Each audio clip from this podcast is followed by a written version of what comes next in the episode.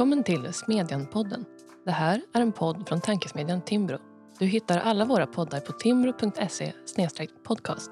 Jag heter Linnea Dubois och idag sänder vi ett extra avsnitt utöver de inlästa essäer av Smedjans sommarresa som publiceras varje onsdag augusti ut för att göra några fördjupande nedslag i Smedjans sommarutgivning. Vi värmer upp inför den politiska hösten med ett samtal om Centerpartiets ideologi, europeisk skogspolitik och principernas roll i politiken. Innan vi inleder dagens samtal vill jag bara påminna om att ni gärna får betygsätta podden i Podcaster och iTunes. Tips och idéer får också gärna mejlas till smedjan timbro.se. Det går också bra att skriva till oss i sociala medier. Trevlig lyssning!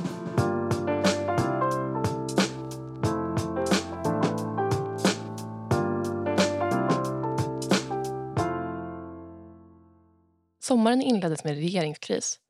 När den svenska politiken sen till sist tog sitt årliga sommaruppehåll då såväl riksdagsledamöter som kommentatorer bytte skrivbordsstolarna mot hängmattan tuggade EU-maskineriet vidare.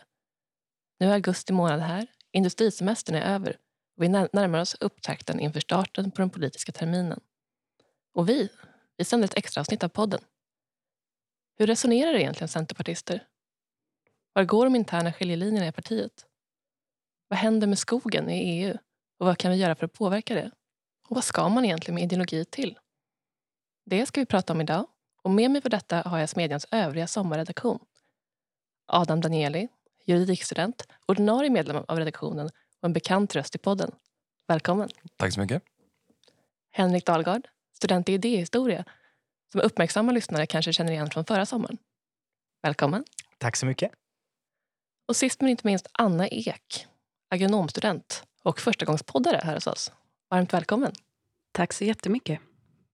Försommarens regeringskris såg Centerpartiet befästa sin position som nyckelspelare i svensk politik.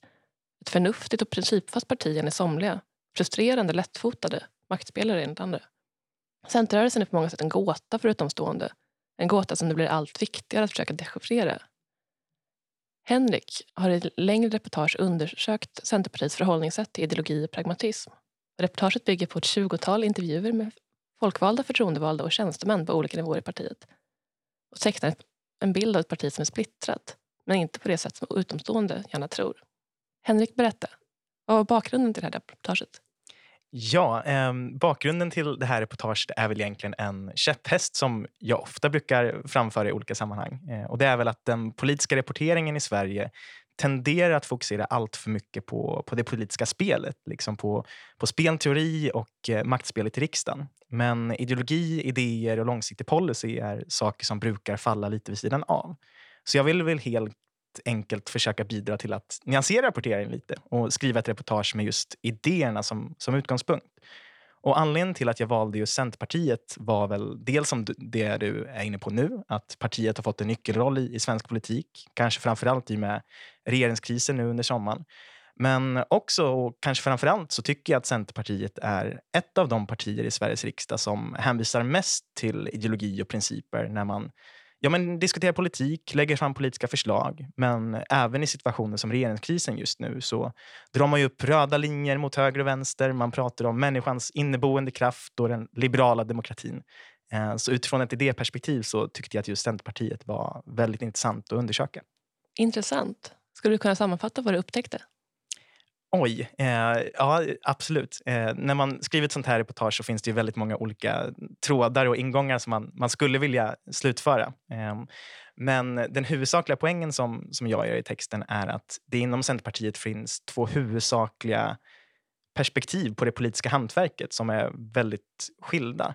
Å ena sidan så har man den här klassiska gamla centerpartisttraditionen. Eh, där Centerpartiet är ett parti som har växt fram ur, ur bonderörelsen. Man är van av att ha en stark ställning på, på lokal nivå. Man är van att sitta med vid förhandlingsborden, styra kommuner, kompromissa, lösa saker. Verkligen ta, ta ansvar i, i politiken. Eh, med andra ord ett ganska så här pragmatiskt förhållningssätt till det politiska hantverket. Eh, och det har färgat partiets kultur väldigt starkt och funnits i, i partiet väldigt länge. Men sen å andra sidan så har man under de senaste 20 åren gjort en ganska stor omskiftning i hur man ser på politik. Man har börjat förknippa sig mer intimt med ideologier och principer. Där partistämman 98 kan ses som ett startskott för det. Där man för en första ordentlig ideologisk debatt om att kalla sig för ett borgerligt parti. Och sen under 2000-talet med först Maud Olofsson, men sen kanske framförallt med Annie Lööf som har blivit mer och mer ideologiska. Och då handlar det återigen om två helt olika synsätt på politik där man har pragmatismen å en sida där lokala kontexter och de politiska förutsättningarna styr var man landar i politiska frågor.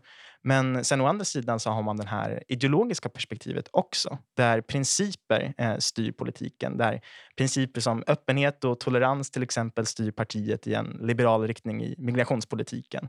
Eller där försvaret för den liberala demokratin leder till att man sätter upp värderingsmässiga röda linjer mot SD och Vänsterpartiet. Så det är en, återigen två helt olika ingångar till politik. Och det är ingångar som oftast kombineras ganska väl i partiet. Men det är också ingångar som ibland kan skapa ganska tydliga interna skiljelinjer. Anne, du har ju trots allt gedigen bakgrund i Centerrörelsen, inte minst inom Centerstudenter där du sitter i förbundsstyrelsen. Ni betonar gärna att ni har en delvis självständig roll till partiet vilket jag tänker ger en tacksam situation att betrakta det hela utifrån på samtidigt på samma gång inifrån och från sidan av. Hur väl känner du igen dig i det här som Henrik beskriver? Ja, jag skulle säga att eh, Centerstudenter kanske är en av de mer liksom, ideologiskt drivna delarna av Centerrörelsen. Men överlag så känner jag igen mig väldigt mycket i det som Henrik beskriver.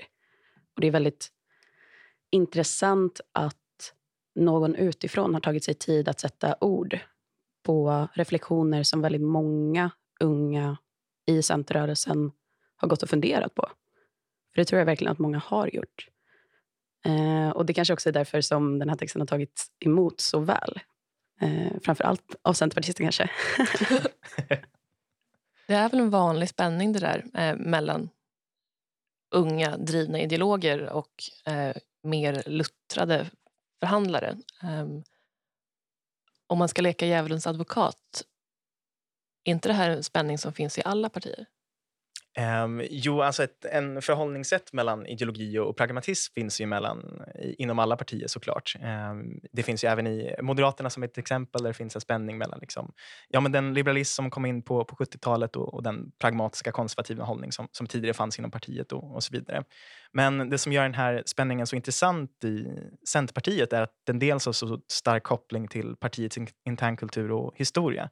Eh, lite som jag var inne på tidigare, att man har den här långa traditionen av att vara ett väldigt starkt kommunalt parti. Man är van att ha ett väldigt tydligt pragmatiskt förhållningssätt till politiken. Eh, men sen på, på senare år att man har adopterat det här ytterst ideologiska förhållningssättet också. Eh, och det lyser igenom både hur man förhåller sig i politiska samarbeten och sakpolitiska frågor. Så man kan ta regeringskrisen nu som ett exempel. Så var ju bilden utifrån i alla fall av Centerpartiet att man höll benhårt på de här värderingsmässiga röda linjerna. Att man skulle vägra att samarbeta med Vänsterpartiet och SD. Men inom partiet så fanns det en ganska utförlig diskussion där många som eh, är väldigt högt uppsatta inom partiet och som i media beskrivs som högerfalangen var ganska likgiltiga inför att samarbeta med Vänsterpartiet. För återigen, man hade den här gamla centerpartistiska idén om att man ska vara med, man ska ta ansvar, man ska lösa saker. Eh, så det var den pragmatiska sidan i den diskussionen. Sen fanns det de som var mer idealistiska eh, och där är ju såklart Annie Lööf men även Martin Ådahl två sådana personer som verkligen höll på de här röda linjerna. Eh, och det var en, som sagt en, en stor diskussion inom partiet så det var inte alls självklart hur man skulle landa i den här diskussionen i, i regeringsfrågan. En, en sak som man skulle kunna problematisera det här lite grann med tänkte jag är ju liksom Alltså Centerpartiet är ju ett, ett, parti som du, som du nämner. Man har tidigare haft ett, ett väldigt pragmatiskt förhållningssätt och nu kanske mer framhäver sin, sin djupa övertygelse om, om liberala värden. Alltså, jag, jag tror också att man måste man måste kanske hålla lite åtskilt att man kan ha olika synsätt på olika frågor. Alltså Centerpartiet är ju i grund och botten ett intresseparti. Och det kommer ju fram väldigt mycket i, i vissa frågor. Och jag tror att den hållning som man har haft i just regeringsfrågan, eh, den är nog ganska mycket avhängig att det har varit så framgångsrikt.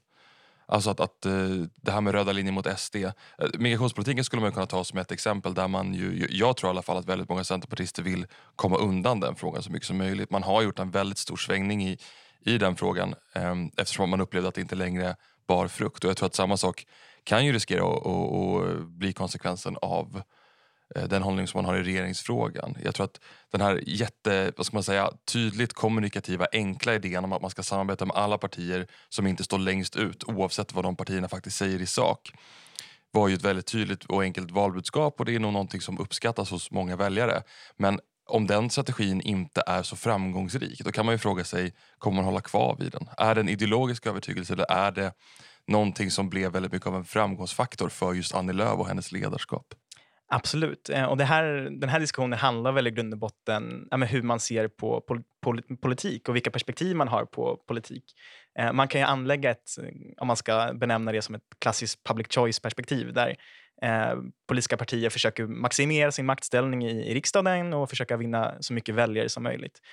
Men jag tror inte det är en förklaringsmodell som håller till 100 procent utan jag tror också man faktiskt måste ta politiker och företräde på orden ibland. Eh, så jag tror verkligen att värderingar spelar otroligt stor roll i politiken, kanske lika mycket som eh, det politiska maktspelet i riksdagen. Eh, så när centerföreträdare säger att de säger sig försvara vissa liberala värden så tror jag också att man på riktigt tror att man, man gör det. Jag tror inte bara en, rim, en dimridå man slänger upp för att kunna attrahera väljare utan det finns verkligen en, en genomarbetad eh, förändring i partiet där man framförallt i, i det programmet som publicerades 2013 där man diskuterar igenom det på väldigt många olika nivåer i partiet. Man har en väldigt bred sammanslutning kring de liberala utgångspunkterna och det färgar liksom hur man eh, tar sig an politiska frågor. Sen finns ju också eh, just den här eh, dimensionen som du är inne på, att det är en väldigt kommunikativ, eh, framgångsrik strategi. Eh, och det måste man ha med sig också. Eh, det nämner jag inte ens i, i reportaget, men Centerpartiet är ett parti som, som mäter otroligt mycket. Eh, man mäter ju eh, på januariavtalet till exempel så hade man mätdata på, på de flesta punkterna, hur väljarna skulle ställa sig till, till dem. Eh, så det är ju också ett perspektiv man måste ta in i, i Centerpartiet. Att de är väldigt måna om att, att väljarkåren ska uppfatta dem som, eh, som ett vettigt och, och, bra parti och det perspektiv som spelar in hur man agerar också. Eh, så jag tror man, man måste kombinera eh, de olika faktorerna.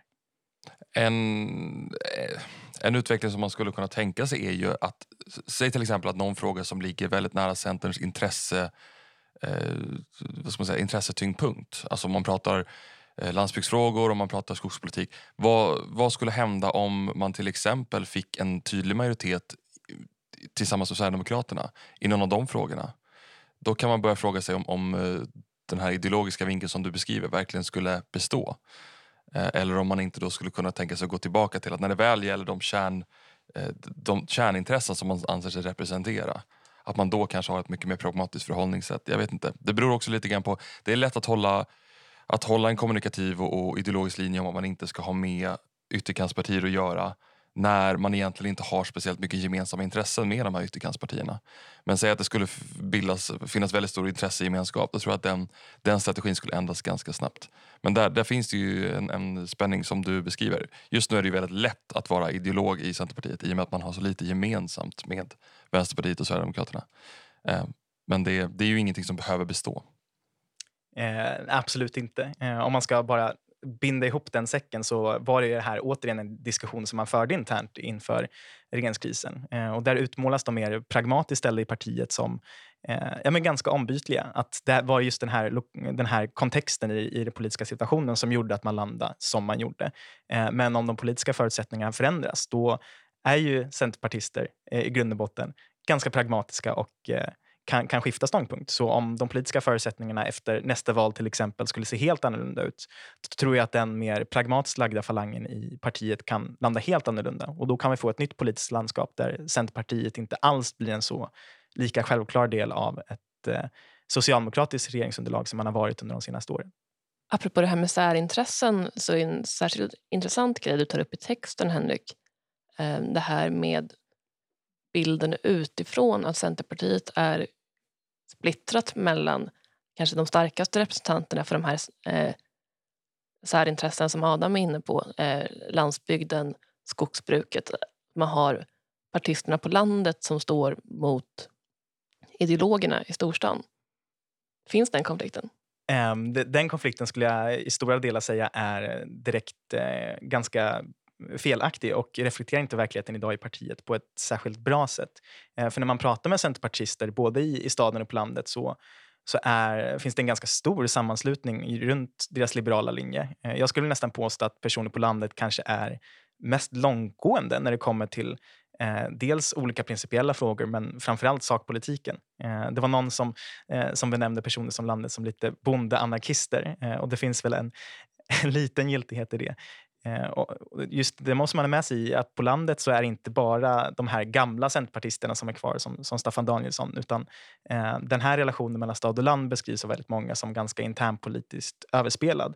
Eh, man måste komma ihåg att Centerpartiet har en ganska stark rörelse inom, inom frikyrkan. Man är på landet väldigt liberal när det kommer till eh, asylpolitik och asyl, eh, migrationspolitik. Man, det är många som på lokal nivå har till exempel eh, drivit sådana frågor i civilsamhället. Eh, så den här eh, realism versus eh, idealism-dimensionen som jag beskriver i texten, det är inte någonting som man kan säga består bara på landet eller på, i städerna, utan det finns realister i, städerna, det finns ideologer i städerna, det finns realister på landsbygden, det finns ideologer på landsbygden. Men just den förklaringsmodellen som oftast tas upp i media, är, den är ganska missvisande i, Centerpartiet idag, skulle jag säga. Jag tycker också att den bilden eh, egentligen är någonting som, om man får lov att uttrycka sig så, prackas på centerpartister på ett liknande sätt som jag faktiskt tycker att hela argumentationen kring att Centerpartiet fortsatt är ett intresseparti också är någonting som prackas på centerpartister. Det är klart att man står kvar vid skogsfrågor eller äganderättsfrågor eller att man ofta väljer att prata om landsbygd. Ehm, men jag vet inte om jag skulle kalla det ett intresseparti. Eh, jag skulle snarare säga att det kanske är någon form av metod för att sätta centerpartister på plats. På samma sätt som vänstern ofta kallar Moderaterna för ett överklassparti så är centerpartister fortfarande bönder. Och vi hör hemma på landsbygden. Och Det säger jag som en, alltså som en person från landsbygden som ofta företräder de här särintressena eh, som jag inte tycker är särintressen. Men det får väl stå för mig. um, men jag tror att det ligger väldigt mycket i att, att stad-land-konflikten inte är en konflikt inom partiet.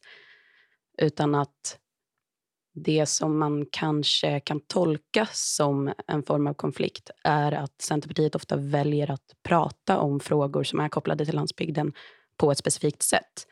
När man pratar om skog som egentligen är ett väldigt starkt nationellt intresse så väljer man att göra det utifrån eh, familjeskogsbrukares äganderätt eller det här brukande arvet som finns. Um, och Det kan absolut vara så att man då tror att det bara handlar om den här familjeskogsägaren eller brukaren. Men det handlar också om att till exempel skogssektorn är extremt viktig för svensk industri och en väldigt, väldigt eh, stor del av vår exportsektor. Ehm, och likaså med de andra sektorerna som man också kanske kan kalla för särintressen. Tack för det perspektivet. Henriks reportage i sin helhet är varmt rekommenderad läsning som finns på hemsidan. Apropå det här med skogen. I juli presenterade EU-kommissionen sitt klimatpaket Fit for 55 som innehåller en lång rad strategier och lagförslag som ska säkerställa att unionen når upp till sina utsläppsmål. Den vilar bland annat på EUs strategi om biologisk mångfald som arbetas fram parallellt med det här. Eh, från svenskt håll så har klimatpaketet framförallt uppmärksammats som en faktor i striden, om man får uttrycka sig så, om den svenska skogen. I veckan publicerades medien en längre essä av Anna Ek som går igenom grunderna för svensk och europeisk skogspolitik och de politiska turerna kring frågan med särskilt fokus på EU-institutionerna och regeringen. Anna, om du skulle sammanfatta, vilka är de materiella problemen med kommissionens klimatpaket? Det inte, behöver inte bara vara dåligt, men helt perfekt är det ju inte heller. Nej, jag skulle inte säga att det är helt perfekt. Sen så ska man ju verkligen eh, understryka att det här är extremt viktig politik. Klimatpaketet är behövt inom EU. Eh, och Det finns väldigt många länder inom EU som kanske inte drar sitt strå till stracken. Och Det är viktigt att vi kommer åt den problematiken när det kommer till klimat, eh, klimatpolitiken. Med det sagt så finns det en rad olika förslag eh, som kan komma att bli problematiska både ur klimatsynpunkt men framför allt ur eh, hur det kopplar till brukande eller äganderätt eller hur vi får lov att egentligen använda våra naturresurser. Och där har ju skogen en speciell roll eftersom att det är um, en nationell kompetens som EU nu allt mer lägger sig i. Och Det är därför skogsfrågan är så relevant att prata utifrån.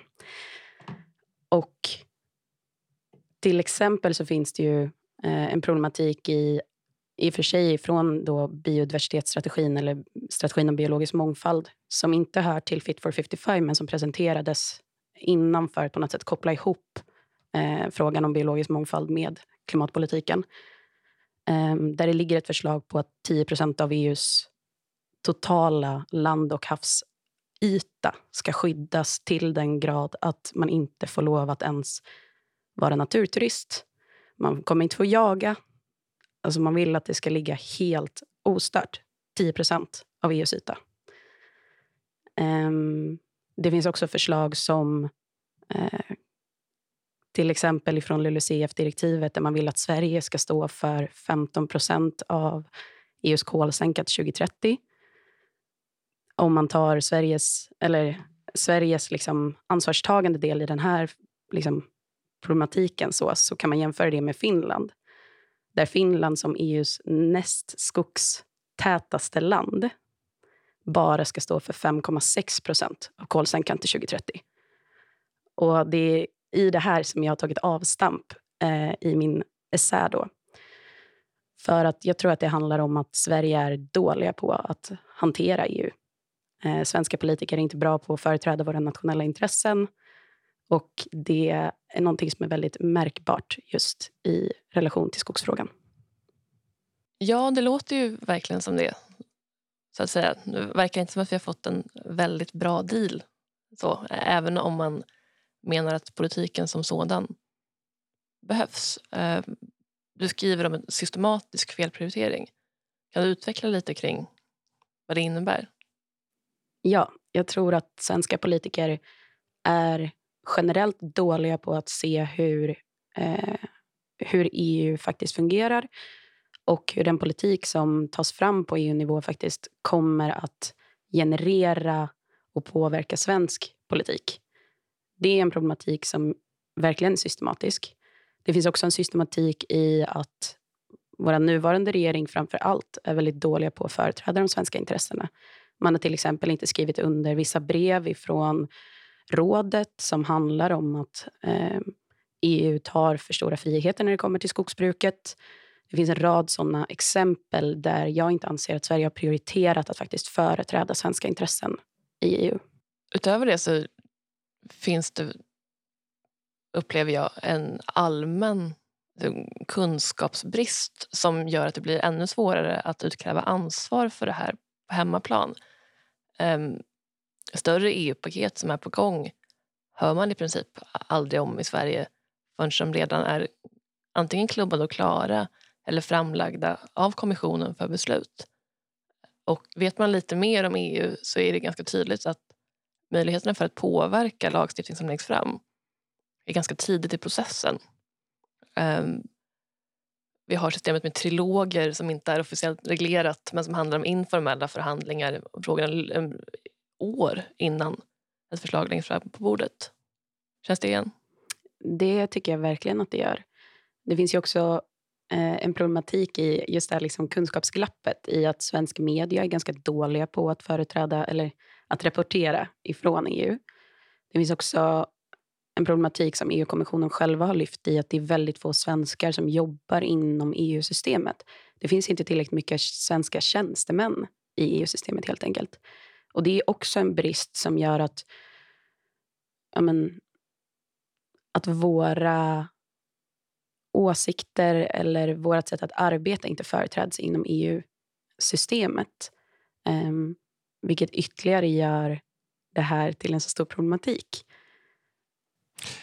Ja, det, det finns ju en ett ganska enkelt svar, eller en ganska enkel eh, beskrivning eller lösning på det här problemet som du, som du tar upp. Alltså att vi, det finns en låg kunskapsnivå i Sverige om EU, det finns, en, en eh, det finns få tjänstemän, det finns in, inte någon utförlig rapportering. Och det är ju kanske att det här är en ganska dålig beslutsmodell som man har valt, framförallt för, för centrala frågor i Sverige. Alltså man kan absolut säga att, att det fanns en, en väldigt stark idé kanske i slutet på 90-talet och början på 2000-talet där man skulle utbilda människor till att, att eh, förstå EU och bry sig om EU. Eh, man hade jättestora satsningar på liksom, folkbildning, man skrev in jättetydliga direktiv i olika läroplaner att man skulle lära sig om EU och förstå den här processen. Och, och, och ni pratar om triloger här. Det, det är ju en typisk sån insidergrej som, som inte...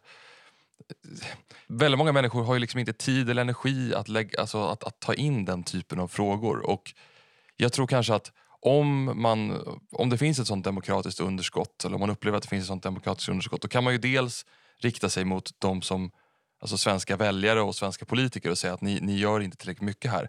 Eller så kanske man kan fundera på, jo men den här strukturen som vi har valt, är den, är det en bra struktur eller bör man hitta samarbetsformer som helt enkelt är, är mer, bättre lämpade?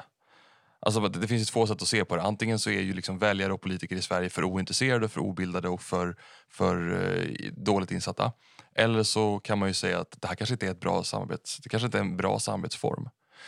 Just I Sverige så blir det en, en ganska svår konstitutionell eh, fråga. För att i, i, Sverige så är ju den som förhandlar i EU det är ju regeringen.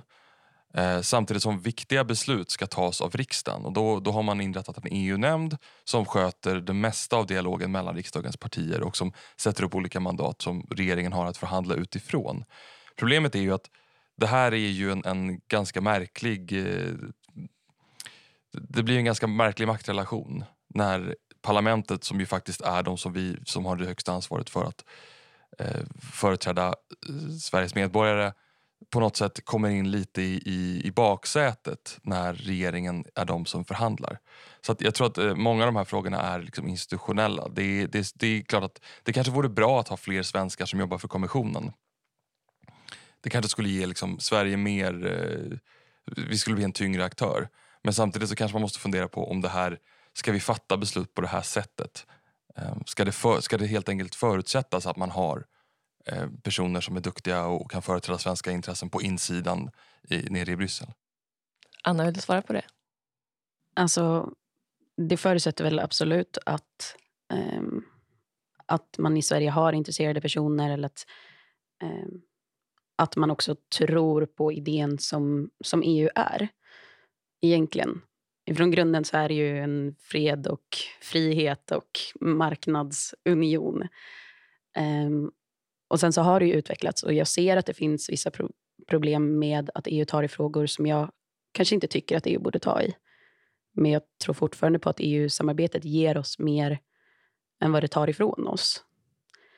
Och om man pratar om demokratiskt underskott så kan man väl ifrågasätta hela det svenska EU, liksom politiska systemet också, där man har ett demokratiunderskott både i kommuner, regioner och i riksdagen. Jag vet inte hur bra kännedom egentligen liksom den vanliga svensken har om hur beslut fattas i alla de instanser. Ska vi skrota dem också?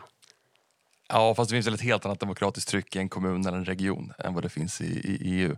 Jag tror att väldigt många, och det, det, det är knappast en, en särskilt originell idé, men det finns ju väldigt många saker som vi lyfter till EU-nivå lite grann för att de kanske behöver hanteras utan, eh, utan insyn. Jag menar, framförallt Sydeuropa är väldigt måna att lyfta ganska mycket svåra frågor som är väldigt svåra att lösa kanske på, på nationell nivå till den övernationella nivån eh, mer som en strategi än, än någonting annat. Eh, jag tror inte att jämförelsen, så det är klart man kan prata om demokratiska underskott i Sverige och, och i EU men ja, idén att man ska behöva bevaka sina intressen i en, i en union och att man liksom går miste och tappar om man inte gör det är ju lite grann ett problematiskt sätt att se på internationellt samarbete. För jag tänker att väldigt många av de här frågorna borde vara win-win situationer. Det vill säga att det borde vara någonting där man kommer överens om sånt som all, det ligger i allas intresse att komma överens om. Och nu spelar vi kanske mer ett win-lose där starka EU-stater på något sätt skaffar sig fördelar över, över svaga. Ehm, ja. Det här att vi går mot mer och mer EU-politik som handlar om sådana frågor där vissa länder om man ser det som att det handlar om eh, länder som i ett mellanstatligt samarbete förhandlar med varandra, vilket det ändå är. Om vi går mot fler sådana frågor där vissa vinner och andra förlorar. Vad beror det på egentligen? Är det inbyggt i, i EU-modellen på något sätt?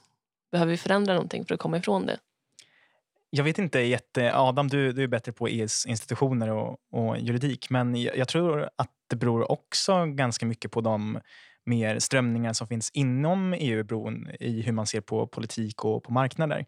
Eh, Ratio släppte en väldigt intressant rapport för ett tag sedan där man tittar på hur EU hade i främst kommissionen i dokument hur man hade just beskrev konkurrens eh, över tid. Och där visade det sig att man under stora delar av i eh, 1900-talet har en ganska positiv syn på, på marknader. Man använder termer som free competition, free markets och, och så vidare. Men eh, under den senaste tiden så har man börjat använda ett helt annat språkbruk. Man pratar om fair competition istället för free competition. Eh, och det tyder väl på en, ganska, ett stort värderingsskifte inom unionen. Eh, och när man har en union som går och vill kontrollera marknader och politik på ett helt annat sätt, då blir ju den man liksom självklar konsekvensen att vissa vinner på de här regleringarna och vissa förlorar på dem. Eh, så jag tror det är mer en konsekvens som hur man, eh, av eh, liksom hur man ser på politiken. Hur mycket man väljer att lägga sig i versus hur mycket man väljer att lämna upp till, till marknader. Om man kopplar tillbaka lite grann till skogsfrågan som vi, som vi pratade om från början. Där kan man ju verkligen ställa sig frågan om det här är någonting som ska regleras på, på EU-nivå. Det är svårt att se hur det skulle ligga i något lands nationella intresse att lyfta den här frågan till, till en internationell nivå. Eh, så det blir ju väldigt mycket, det finns ju väldigt stor risk att det, det blir som du beskriver i, din artikel Anna, att, att eh, man har en eh, o, olika syn på skogen i olika delar av EU riskerar liksom att um, alltså att harmonisera synen på skog blir väldigt konstigt i och med att synen på skog inte är jämn över e EUs medlemsländer. Så jag menar, om man vill ha en italiensk syn på svensk skog då inser man att någon kommer att få ge vika. Eller, ja, det, det, samma sak gäller givetvis om vi får en svensk syn på italiensk skog. Så, så det här är någonting som man verkligen kan fråga sig om det är en del av, av den, eh, bör vara en del av EU-kompetensen. Å andra sidan så har man ju åtagit sig väldigt ambitiösa klimatmål och då måste man ju piska sina medlemsstater eh, till att göra på vissa sätt. Men eh, i det här fallet så tror jag att det, det att försöka ge sig in mer på skogsfrågor är nog snarare ett sätt att försöka lösa den här strategin än att kanske eh, lösa en, en fråga där vi behöver jobba gemensamt. Det går ganska bra att ha nationell reglering över skogen. Ja, nu har vi varit inne på först splittringen mellan, eller dragkampen mellan ideologi och pragmatism i Centerpartiet och sen de praktiska verkningarna bakom politiken i EU och slitningen mellan medlemsstater och europeiska institutioner. Och det leder vidare till en mer generell fråga, en ganska teoretisk fråga kanske, om hur man egentligen förhåller sig till politik och hur den spelplanen utformas. Vad skulle ni säga egentligen? Vilken roll har ideologi och principer i politiken? Ja, det där är en väldigt eh, bra fråga och en fråga som oftast stöps och, och blöts på, på lite, mer, i lite mer teoretiska sammanhang. Eh, och det var någonting som jag också funderade på när jag skrev min text om Centerpartiet i just hur man använder olika begrepp. Eh, för om man tar begreppet idealist till exempel, som är ganska vanligt inom Eh, akademin när man pratar om eh, principiella förhållningssätt till, till olika frågor så har ju det en ganska negativ konnotation i Sverige. Eh, ofta så hör man ju liksom påståenden som att ja, men vi ska inte syssla med såna här flummiga principer. Vi ska bara göra det som fungerar och det människor bryr sig om. Men om man tar den där frasen, vi ska bara göra det som fungerar. Eh, om någonting ska fungera så förutsätter det att det finns ett mål, att man, man ska någonstans. Och de målen i, i politiken skulle jag påstå är, är högst värderingsdrivna. Om man frågar en socialdemokrat som, eh, och, säger, som, och den personen säger ja men jag vill bara att samhället ska fungera, då kommer den personen ha ett visst samhälle i, i tankarna. Då kommer den personen ha en viss föreställning om hur staten ska konstrueras, hur kollektivet ska förhålla sig till individen eh, och så vidare. Men om man frågar en moderat samma sak så kommer den personen ha helt andra normativa föreställningar om hur politiken ska konstrueras. Så när det kommer till de här långsiktiga frågorna så tror jag absolut att ideologi och idéer spelar en väldigt stor roll. För de bestämmer helt enkelt hur vårt samhälle ska utformas. Ehm, och sen tycker jag en aspekt som man inte pratar om så mycket är hur, hur väljare liksom, eh, angriper den här frågeställningen. Eh, för det har gjorts väldigt mycket valforskning på det. Att när personer röstar så gör man det oftast utifrån ganska moraliska anledningar. Eh, när människor agerar i sin vardag och eh, tänker på saker som jobb och familj och vardagslivet, då tenderar man att, att vara väldigt, eh, väldigt materiell och väldigt så här, eh, egenintresserad. Eh, men när det kommer till politiken så spelar helt andra faktorer in. Då blir man helt eh, plötsligt väldigt mer altruistisk. Man börjar liksom få in helt andra moraliska termer i, i analysen. Eh, så jag skulle påstå sammanfattningsvis att idéer spelar stor roll i hur politiken utformas långsiktigt men den spelar också stor roll i hur människor agerar i det politiska systemet och hur de väljer att rösta. Jag kan hålla med om den, den första slutsatsen att politik spelar roll för den, eller, eh, ideologi spelar roll för den långsiktiga utvecklingen. Framförallt när man tittar på större politiska projekt som vi har haft i, genom Sverige, alltså Socialdemokraternas olika eror men även allians, eh, Eh, alliansåren så fanns det ju väldigt tydliga bärande tankar som liksom fick agera styråra för hela Sveriges utveckling. Eh, å andra sidan ska man nog komma ihåg att speciellt i Sverige så har vi väldigt lite väldigt lite av den, den offentliga sektorn och, och så där, så, som faktiskt styrs av personer som eh, har politiskt ansvar. Den allra största delen av Sverige, den, den makt som det offentliga har i, i, Sverige utövas ju av tjänstemän. Vi har 400 någonting myndigheter och man har 290 kommuner som är Eh, som i väldigt hög grad styrs av just tjänstemän. Så jag tror absolut att på den högsta nivån så, så, spelar ideologin en stor roll. Men man ska också komma ihåg att de flesta beslut fattas av eh, förvaltningar och tjänstemän som kanske inte alls tänker i den typen av termer utan där, där är man mycket mer fokuserad på att lösa uppdrag som någon annan har formulerat. Eh, ja, och det, då får vi också väldigt mycket större problem eh, när man tittar på förvaltningar och tjänstemän för då, då får man ju inte samma ansvarsutkrävande. Det är väldigt svårt för politiker att ansvarsutkräva från så många opolitiska instanser. Och då, då finns det stor risk att det går liksom slentrian och att det inte är de grundläggande idéerna som, som skulle genomsyra systemet som faktiskt kommer ut på andra sidan. Jag håller med både Henrik och Adam på väldigt många punkter. Eh, och jag tänker väl att just det här med, med hur idéer och principer ska vägleda oss i det, både i det politiska hantverket eh, och på något sätt i den så här bildningen av politik eller formateringen av politik också är superintressant ur just ett EU-perspektiv eftersom att vi har varit inne på det tidigare. För där handlar det också om huruvida vi har en gemensam idé om vad EU ska vara och vad EU ska utvecklas till att bli. Och Det är en gammal klyscha det här med liksom ett smalare men vassare EU. vi kommer alla ihåg den, tror jag, förhoppningsvis. Jag har den väldigt så starkt i ryggraden av diverse olika skäl. Men det är ju en idé om EU som, som jag tror egentligen beskriver ganska mycket av den svenska tanken med EU. Um, ehm, problemet där är ju att vi inte handlar utifrån, utifrån den idén, tror jag. Vi är svaga i, i principerna eh, kring hur EU faktiskt ska agera och hur vi vill agera i EU.